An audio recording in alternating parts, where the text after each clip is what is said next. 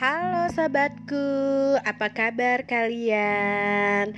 Kalau malam pulang kantor, aku biasanya minta waktu 30 menit untuk sendirian di kamar.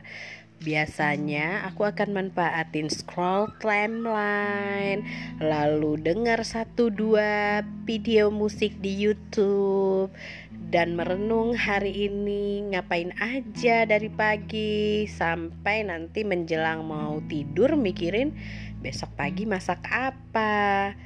Oke sahabatku, malam ini aku mau mengajak para wanita single untuk berpikir ulang bagaimana sih menyikapi jodoh yang gak kunjung datang. Aku sendiri menikah di usia 33 tahun, nyesal gak? Enggak tuh, kayaknya kalau aku ingat kembali Ternyata jodohku datang di usia 33 atas kemauan aku. Jadi Allah itu hanya mengabulkan apa yang pernah aku ucapkan Apa yang pernah terbersit di hatiku. Jadi gini karena dulu teman-teman curhat mertuanya begini, begono, begini, bengono. Oke, aku sampai pada kesimpulan aku nggak mau punya mertua. Akhirnya berdoa sama Allah, ya Allah temukan aku dengan seorang imam yang udah nggak punya orang tua.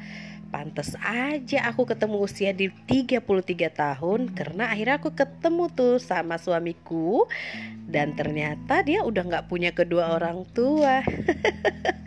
Jadi ceritanya nungguin orang tuanya koit dulu baru gue dipertemukan dengan jodoh.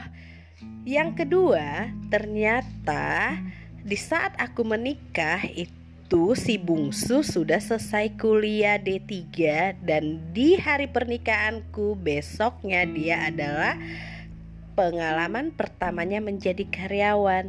Jadi benar-benar momennya itu pas banget dengan keinginanku. Jadi begitu aku menikah udah nggak mikirin lagi ngebiayain adik-adik.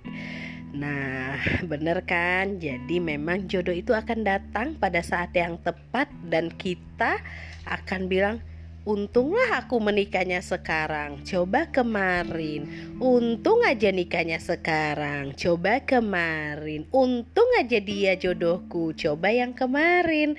Nah, gitu deh. Jadi, yang belum dapat jodoh, sabar aja dulu. Terus cek and recheck.